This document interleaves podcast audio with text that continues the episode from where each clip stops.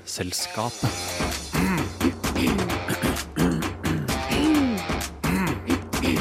Vitenselskapet.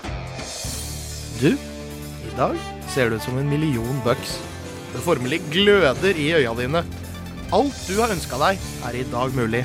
Fordi du er en helt. Sa jeg helt? Jeg mente loser. Herregud, ass. Jeg tror aldri jeg har sett noen teitere enn deg, jeg. Du, din vandrende Murphys lov. Det er nok bare å gi opp. Nå!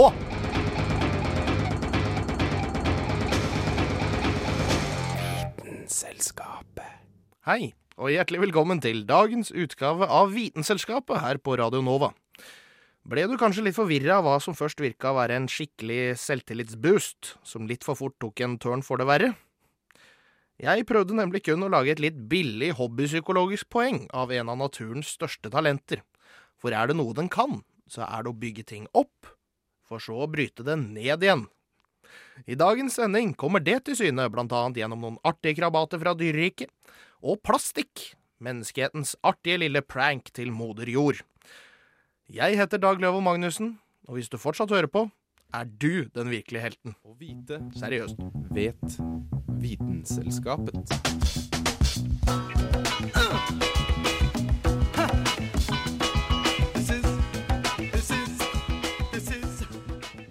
Det produseres ca. 300 millioner tonn plast årlig.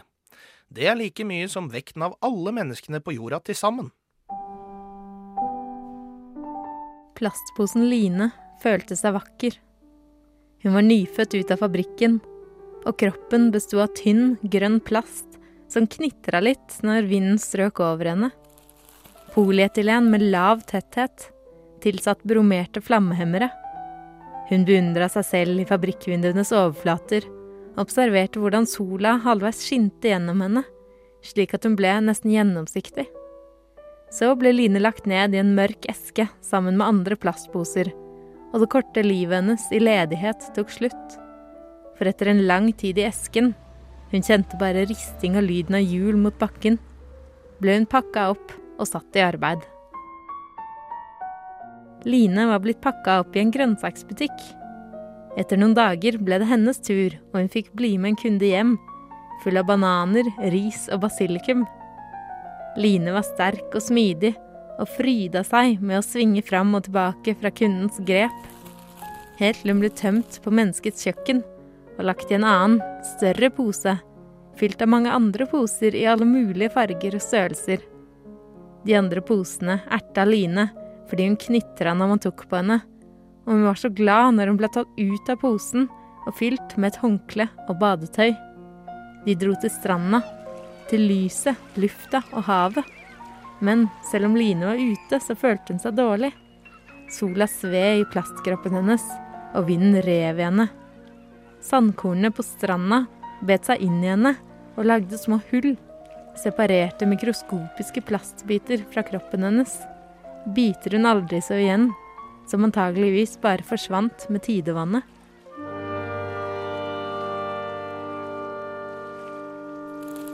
Line knitra høyere og høyere, i takt med de økende vindkastene på stranda.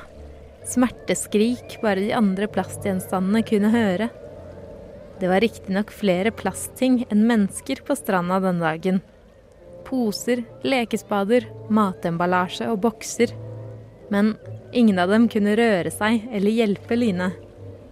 Mens eieren bada i vannet, så rev hun seg løs og fulgte den opprivende vinden utover havet, la stranda og resten av plastgjenstandene under seg. Vinden holdt henne høyt en stund, men etter en lang tid flagrende i smerte og frihet ble hun kasta ned i havet av et plutselig nedadgående vindkast. Hvor hun var, visste hun ikke. Hun hadde nok med å holde seg over vannet, turte ikke se ned. Noe blinka imidlertid der nede, rett under havoverflaten, trakk blikket hennes dit.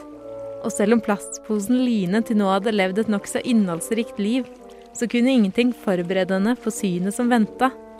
Et enormt, slimete hav av plast og søppel.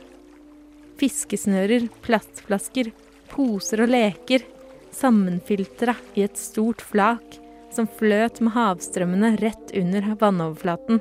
En bruskork som hadde flytt i flaket i fem år, fortalte Line at flaket var fire ganger større enn Norge, og ble kalt The Great Pacific Garbage Patch. Men vi er ikke alene, sa bryskorken. Bare her i Stillehavet har jeg hørt at det er tre ganger så mye plast som plankton. Og plankton spiser av oss. De får i seg mikroplasten som er revet av oss, og hvor plasten havner etter det, er det ingen som vet. Sikkert i større dyr.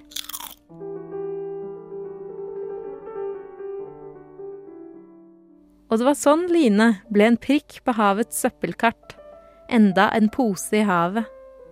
Stille håpa hun at de bromerte flammehemmerne og fargestoffene i kroppen hennes, sammen med de organiske miljøgiftene i resten av søppelflaket, PCB, PAH, pesticider, ftalater og bisfenol A, skulle havne i fisk og fugl, tas opp i kjøttet deres og ende i menneskene som spiste fisken. Kanskje ville miljøgiftene fra plastkroppene deres skade menneskekroppene og slik kunne plastflaket hevne seg på dem som var ansvarlig for at plastbitene nå drev rundt i en endeløs fremtid, omgitt av suppete søppel, mens fisk, fugl og plankton spiste av dem.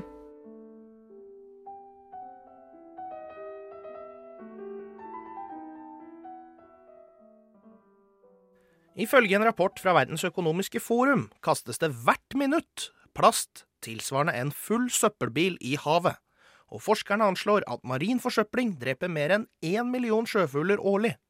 Plastgjenstander brytes ned veldig sakte, og det kan ta hundrevis av år før plastposen line er brutt ned til mikroskopiske partikler. Disse kan også ha en negativ påvirkning på miljøet. Den mulige eieren av plastposen Line, og skaperen av dette innslaget, heter Hanne Grydland. Hæla i taket med Vitenselskapet.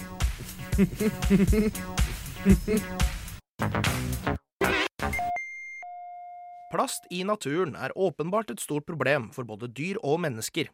Så Derfor er det bra at det finnes folk som forsker på produkter som brytes ned helt av seg selv. Nå skal du få høre om tre slike hverdagsprodukter som forhåpentligvis kommer til å bli mer og mer utbredt. En. Du finner fram flaskene, boksene. To.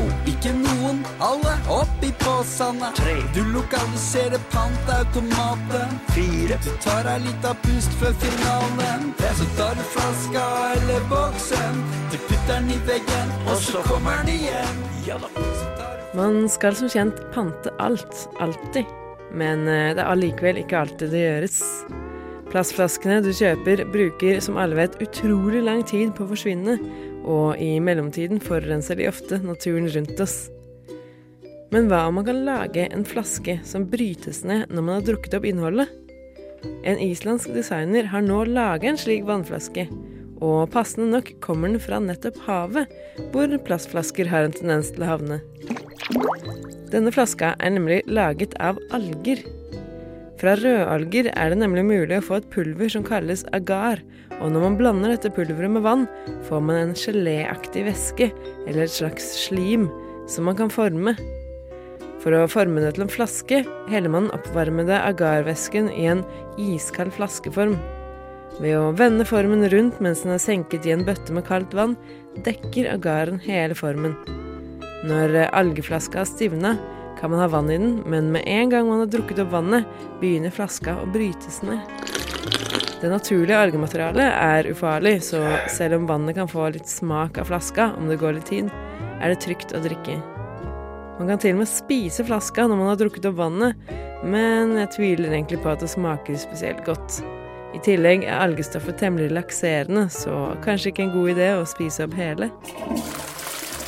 En algeflaske er strengt tatt en litt fiks designidé, og det er ikke nødvendigvis slik at den egner seg så veldig godt for masseproduksjon. En annen plastikkerstatning som derimot kan masseproduseres på stor skala, er en type spiselig bestikk. De spiselige skjeene er oppfunnet av en inder og er laget av hirse, ris og hvetemel. Indere bruker omtrent 120 milliarder plastskjeer, kniver og gafler hvert eneste år, og det sier seg selv at det er ikke akkurat positivt for miljøet. De naturlige skjeene vil imidlertid forsvinne på fire-fem dager, hvis de ikke spises, da selvfølgelig. Hittil er de laget i tre forskjellige smaker, slik at de passer til maten som spises. Nøytral smak, søtt og krydra. Hvis du ikke bruker skjeene, skal de visstnok holde seg i tre år. Produksjonen av skjeene er egentlig temmelig enkel. Skjeene formes av deig som tørkes slik at de blir harde. Noe av det viktigste for at dette miljøvennlige alternativet skal bli populært, er som kjent prisen. Og melbestikket koster ikke så mye mer enn vanlige plastskjeer. Prisen naturen må betale, blir allikevel mye mindre. En annen god miljønyhet er at den store q-tip-produsenten Johnson Johnson har sagt at de skal gå over til q-tips i papir i løpet av 2016. Selv om tuppene på tradisjonelle q-tips er av bomull, er ofte pinnen av plastikk. Dette er et stort problem, særlig fordi veldig mange kaster disse pinnene i do, og ikke i søpla. En temmelig idiotisk ting å gjøre, ikke bare fordi rørleggere stadig vekk må rykke ut for å fikse rør hvor q-tipsen har hopet seg opp, men også fordi at dette gjør at millioner av små plastpinner dumpes ut i havet. Selv om kloakken renses før den slippes ut, fanges ofte ikke de små pinnene opp. Siden de er av plastikk, kan det ta hundrevis av år før de brytes ned. Dyr stikker seg på q-tipsen eller spiser den fordi de tror det er mat, og pinnene vaskes opp på strendene rundt omkring i verden. Q-tips i papp vil lettere brytes ned, men det er klart, det er ikke akkurat optimalt. Det er enda bedre om folk blir flinkere til å bare kaste q-tipsen i søpla og ikke i do, men det aller beste er om folk bruker færre av dem. Q-tips er glimrende til å fjerne sminke som har kommet utafor, men de aller fleste bruker dem til å rense ørene. Og det er faktisk en temmelig dum ting å gjøre. For det kan føre til at du mister hørselen, ødelegger små bein inni øret eller sprenger trommehinnen. Veldig ofte renser ikke q-tippen så mye som den skyver ørevoksen lenger inn i øret, hvor den kan klumpe seg og skade øret. Ørevoksen er der for å beskytte øret, og det er ikke en skitten ting som man bør drive og fjerne. Å fjerne den kan irritere den tynne huden inni øret som voksen er til for å beskytte. Så å fjerne den vil antagelig heller føre til at det blir mer av den. Konklusjonen her blir altså det er ikke bra for verken deg eller miljøet. Men hvis du absolutt skal bruke noe for å pirke deg i øret, gå for noe som ikke bruker opptil flere hundre år på å brytes ned. Hvordan føles det da? Det føles så bra, Hvordan føles det da? det føles så bra. Du har kanskje hørt om Zero Waste-bevegelsen, som prøver å leve uten å forsøple i det hele tatt. Det er kanskje litt vel ekstremt, men at vi alle kan prøve å bruke mer nedbrytbare produkter, er det liten tvil om. En som kommer til å bruke mindre q-tips, er i hvert fall Kristin Grydland, som laget dette innslaget.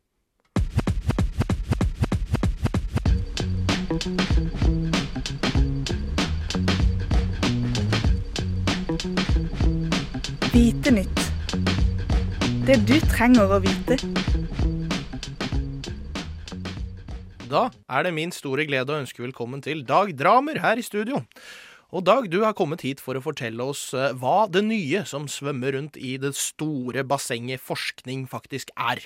Mm. Skal snakke da om psykedelika, oh. som er det morsomste man kan snakke om. Nærmere bestemt eh, LSD, og enda nærmere bestemt eh, tilknytningen mellom følelsen av selvet, selve, altså det du er, jeget, og hva som skjer med hjernen på LSD.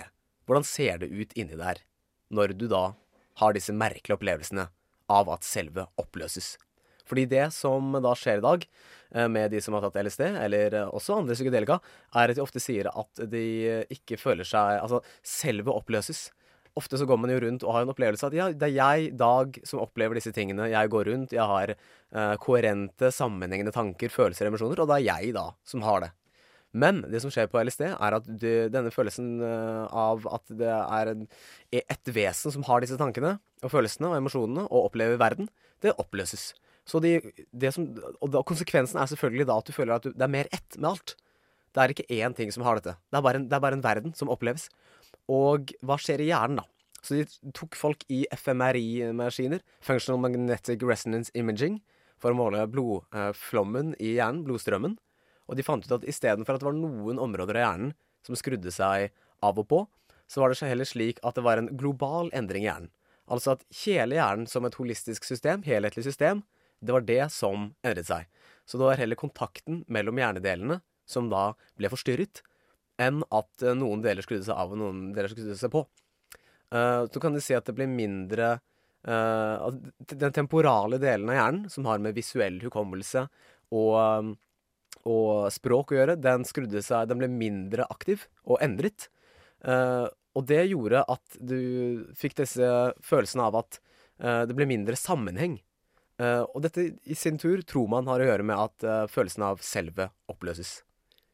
Så det er ganske spennende greier, fordi man ikke Man vet mer eller mindre hva som skjer i hjernen. Og man vet også ikke minst opple hvordan opplevelsen er, fordi folk rapporterer om dette hele tiden. Men å se det in real time, som de nå har gjort inne i FMRI-maskinen, maskinen, er jo det de har gjort nå. Så det er helt unikt og nytt, og veldig spennende. Nå må jeg ærlig talt innrømme at jeg kan ikke personlig så ekstremt mye om LSD og rusen altså du føler når du har Når du er på LSD, da. Men som du sier, så mister du på en måte eh, Du ser i hjernen, altså, altså med FMRI, at eh, hjerneområder som påvirker cellet, altså jeget, blir eh, mindre aktivt, som du sier. Altså, Mm, mm. altså du blir flytta Blir, blir en slags ut av seg sjæl-opplevelse, for Ja, å ja, ja. Ravi, eller hva, hva er det som skjer? Ja, altså det er jo mange, er jo mange, mange sier jo nettopp det at ut av deg sjæl-opplevelse, det er jo nettopp da et begrep som kommer fra det å få en helt ny opplevelse du aldri har hatt før, eh, som knyttes til det at du ikke lenger er deg selv. Altså, du, du er ikke et selve. Du er ikke en person, du er ikke en entitet. Du er på en eller annen merkelig måte blitt i ett med det du opplever. Så bare det at vi sitter her og snakker om ja, du opplever ting, du opplever ditt datten Altså, opplevelsene får en helt annen eh, struktur. En slags non-struktur. Altså, det er ikke noen struktur. Det er bare et flyt. Og eh, det er veldig zen-buddhistisk. Men nå vet man da at det ikke handler om nødvendigvis det som vi var litt inne på i stad, med at eh, det er ikke sånn at den prefrontale cortex, altså høyere ordre tenkning, den eh, fremre delen av hjernen, det er ikke slik at den skrur seg av. Det er heller det at alle de andre delene skrur seg på. Altså at hjernen er knyttet til seg selv på en helt annen måte. At eh, kontakten blir endret. Og det er det som gjør, uh, gjør gir, deg en så unik opplevelse. Uh, så det er disse modulene, gjerne delt inn i moduler, som kontrollerer forskjellige ting. da. Sånn som uh, språkmodulen, den visuelle modul. Uh, og du kan si at det er uh, en slags hjerneanarki. Du går fra en slags sånn sosialdemokrati, kapitalisme, til anarki i hjernen. Nei, da, da får vi bare nevne helt på slutten her at selv om det her nesten hørtes litt ut som en public service announcement for bruk av LSD, så uh, reklamerer vi altså ikke for det her i Vindselskapet, da. Men tusen hjertelig takk for uh, denne innsikten i dette psykedeliske stoffet. Bare hyggelig. Bare hyggelig. Takk du There's hydrogen and helium, then lithium, beryllium, boron, carbon everywhere, nitrogen all through the air with oxygen so you can breathe. Du hører på Vitenselskapet på Radio Nova. Magnesium, aluminium, silicon, phosphorus, then sulfur, chlorine, then argon, potassium, and calcium so you'll grow strong. Scandium, titanium, vanadium, and chromium, and manganese. Når vi i Vitenselskapet vil vite hvilke dyr som er helt på topp i sin klasse, liker vi å ta turen innom Naturhistorisk museum på Tøyen. Der sitter zoolog Petter Bøckmann, og denne uken har vi spurt Bøckmann hvilke dyr er aller best til å bygge. Svaret får du her. Jo, nå skal du høre. Det som er så spennende med den lille krabaten her Og så stikker den sugesnabelen i deg, og så surper den i deg fra boka. Flash, flash, flash. Blim, blim, blim, blim, blim, blim, blim. Jeg heter Petter Bøckmann, og jeg er zoolog. Ta-da! Topp fem byggmestere i dyreriket. Før vi hopper løs på lista, så er vi nødt til å ha noen honorable mentions.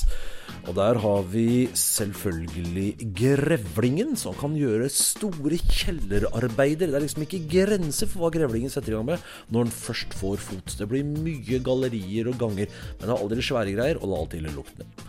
Så må vi jo nevne menneske, som jo bygger fryktelig fryktelig mye. Det er kanskje litt juks å sette mennesker på lista, for vi bygger jo ikke sjæl. Vi har jo laget maskiner som bygger for oss. Heisekraner og gravemaskiner og sånn. Skulle vi bygget alt med muskelkraft, så hadde det ikke vært så skrekkelig imponerende. Og det leder oss til den tredje honorable mention, som er ovnsfuglen, som ja, det er en hel haug av dem. Han kliner opp noen runde, søte reir laget av strå og leire. Og de bygger dem helt sjæl, uten gravemaskin, og bærer alt sammen i nebbet. Men lista. Femteplass maur. Mauren kjenner vi alle sammen. Store, fine tuer. Tua til en maur er, kan sammenlignes med en skyskraper hos oss mennesker. Det er altså fryktelig mye byggverk for en bitte liten maur, og alle sammen må samarbeide. Skal man bygge så stort, så nytter det ikke å drive og bygge aleine. I hvert fall ikke når man er et lite insekt. På fjerdeplass termitter. Nå kan man si at man kan lure litt på om termitter og maur fortjener hver sin plass, men termitter og maur er faktisk ikke i slekt med hverandre. Termitter er slektning av kakerlakken, og maur er en slektning av vepsen. De to har utviklet til å bygge tuer hver for seg. Og termitthuene er faktisk mer avanserte. De er ikke bygget med pinner og strå, de er bygget med leire, solid leire. Og de kan være ganske avanserte med luftekanaler og mye styr som gjør at de holder en konstant temperatur, selv i ørkenområdet hvor det kan være minus 20 om natta og pluss 40 om dagen. På tredjeplass hyttebyggerfuglen. Hvorfor bygger vi her i verden? Vel, man kan jo bygge seg et bol å bo i, sånn som mauren gjør, men hyttebyggerfuglen bygger for å imponere damene. Den setter opp pinner og ståp og skrå på tryss og tvers, og venter på at hyttebyggerfuglhunden skal komme og beundre byggverket. For å pynte om så drar de i land blomster og sneglehus og bær og ja, plastikksøppel for den saks skyld, og legger det i forskjellige mønster, gjerne i spesielle fargetemaer, for å gjøre damene myke i knehasene. Interiørarkitekter kan ha mye å lære her. På annenplass korallrev. Og nå er vi oppe i alvorlige byggere. Dette er dyr som bygger ting som ses fra verdensrommet, folkens. Men grunnen til at de ikke har havnet på førsteplass, er at korallene ikke bare bygger, de også vokser sammen med byggverket sitt. De skiller ut byggverket som en del av kroppen. Er det rettferdig? Disse andre dyra har tross alt dratt sammen pinner. Disse her skiller ut noe, og derved så overlater vi førsteplassen til Barna bever.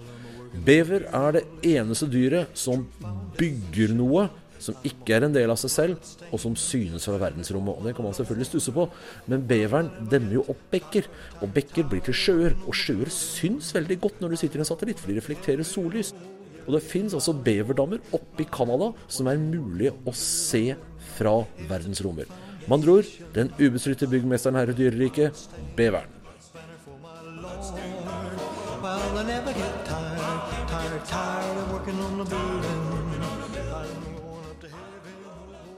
Og dette innslaget ble laget av Lise Eide Risanger. Vitenselskapet. Vitenselskapet på Radio Nova.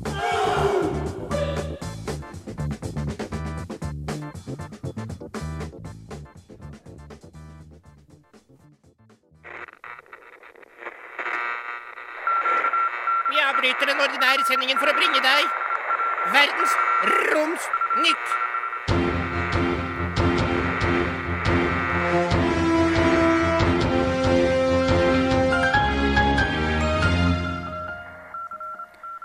God morgen, god morgen, og velkommen til Verdensromsnytt. God morgen, god morgen til deg. Det er ikke sikkert det er morgen hos deg akkurat nå, men å starte med et Singin' in the Rain-innslag, det er ikke feil heller, det. Apropos regn, jeg regner med at du har fått med deg forrige ukes stellare kunngjøring fra vår kjære gudfar Stephen Hawking. I believe what makes us unique is transcending our limits. Gravity pins us to the ground, but I just flew to America. I lost my voice, but I can still speak thanks to my voice synthesizer. How do we transcend these limits? With our minds and our machines. The limit that confronts us now is the great void between us and the stars. Today, we commit to this next great leap into the cosmos. Because we are human, and our nature is to fly. Det ambisiøse prosjektet, kalt Breakthrough Starshot, ble kunngjort 12. april av den russiske milliardæren og fysikeren Yuri Milner. Tanken er å sende en ørliten satellitt til stjernesystemet Alfa Centauri, vår nærmeste stjernenabo etter sola. Systemet ligger nesten 4,5 lysår unna. Dette nanofartøyet, kalt Starchip, består av en liten chip på størrelse med en knapp, som både har kamera, navigasjon, fotonpropellere samt strømforsyning. Til knappen skal det festes et bitte lite seil drevet av fotonteknologi.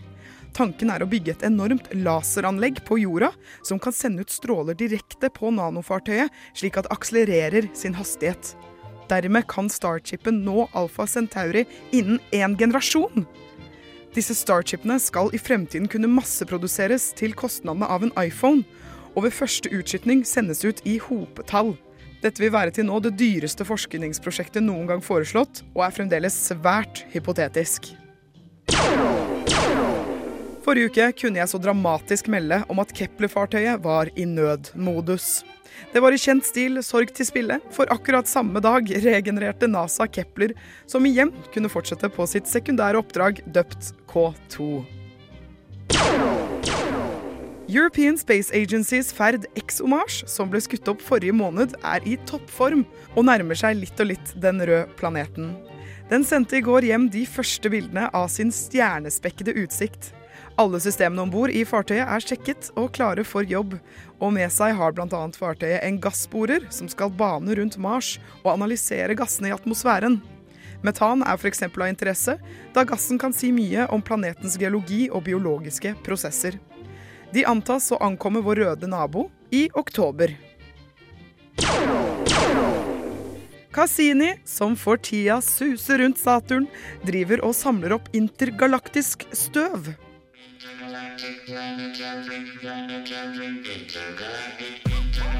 Fartøyet har alltid analysert støv, men det har stort sett kommet fra Saturn sjæl eller fra solvinden. Disse bitte små støvkornene som kommer uten solsystem fra, suser forbi Saturn i en enorm hastighet, faktisk så raskt at de ikke blir fanga opp i vårt solsystem. Og det er nettopp derfor forskerne tror at de er langveisreisende. Philae, den lille roboten som suksessfullt ble sluppet ned på kometen 67P av ESA, er nå erklært for død. To sekunder stillhet. Sannsynligheten for å gjenopprette kontakten med den lille rakkeren som suser fra oss, er tilnærmet lik null. Dog et lukket kapittel var Philae et eventyr spekket med triumfer. Fra sin grop på kometen avga den signaler i tre dager, men har siden juli i fjor vært stille. Og nå er den nok dekket av så mye støv og skygge at den aldri vil få sollys nok til å gjenopplade batteriene sine. Rest in permanent hibernation, Philae. Til slutt vil jeg minne dere alle på at lyridene fremdeles er aktive. En meteorsverm som piker med 18 skudd i timen. Går du hjem en eh, mørk kveld, pass på å se opp, for da kan du være heldig å se et stjerneskudd. Så da gjenstår det bare for meg å si fra brunstjerna til månetoppen. Johanne Furuseth, over og ut!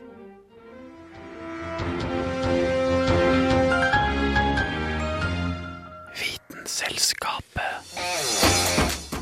Da var oppbyggingsfasen av dagens sending ferdig. Og som alt i universet er det nå på tide å bryte den ned igjen. Bare dagens sending, altså. For vi er tilbake neste uke, som alltid, så det er bare å glede seg. Er det første gang du hører dette programmet, tilfeldigvis likte det du fikk servert, da er det bare å klikke seg inn på radionova.no, Soundcloud eller din nærmeste podkast-app, hvor du finner oss under navnet Vitenselskapet. Der finner du alle våre tidligere sendinger, samt utfyllende artikler og annet artig stoff. Med andre ord hundrevis av timer med læring og moro. Og den kan du innta med god samvittighet. Og tida kommer til å fly. Sitter du inne med spørsmål du skulle ønske noen kunne undersøke for deg, f.eks. om tida faktisk kan fly, da kan du slenge på en melding med kodeord NOVA, mellomrom ditt spørsmål til 2440. NOVA til 2440 der, altså. Neste program på lufta er grenseløst, så det er ingen grunn til å skifte kanal. Dag Løvold Magnussen heter jeg. Ha det bra.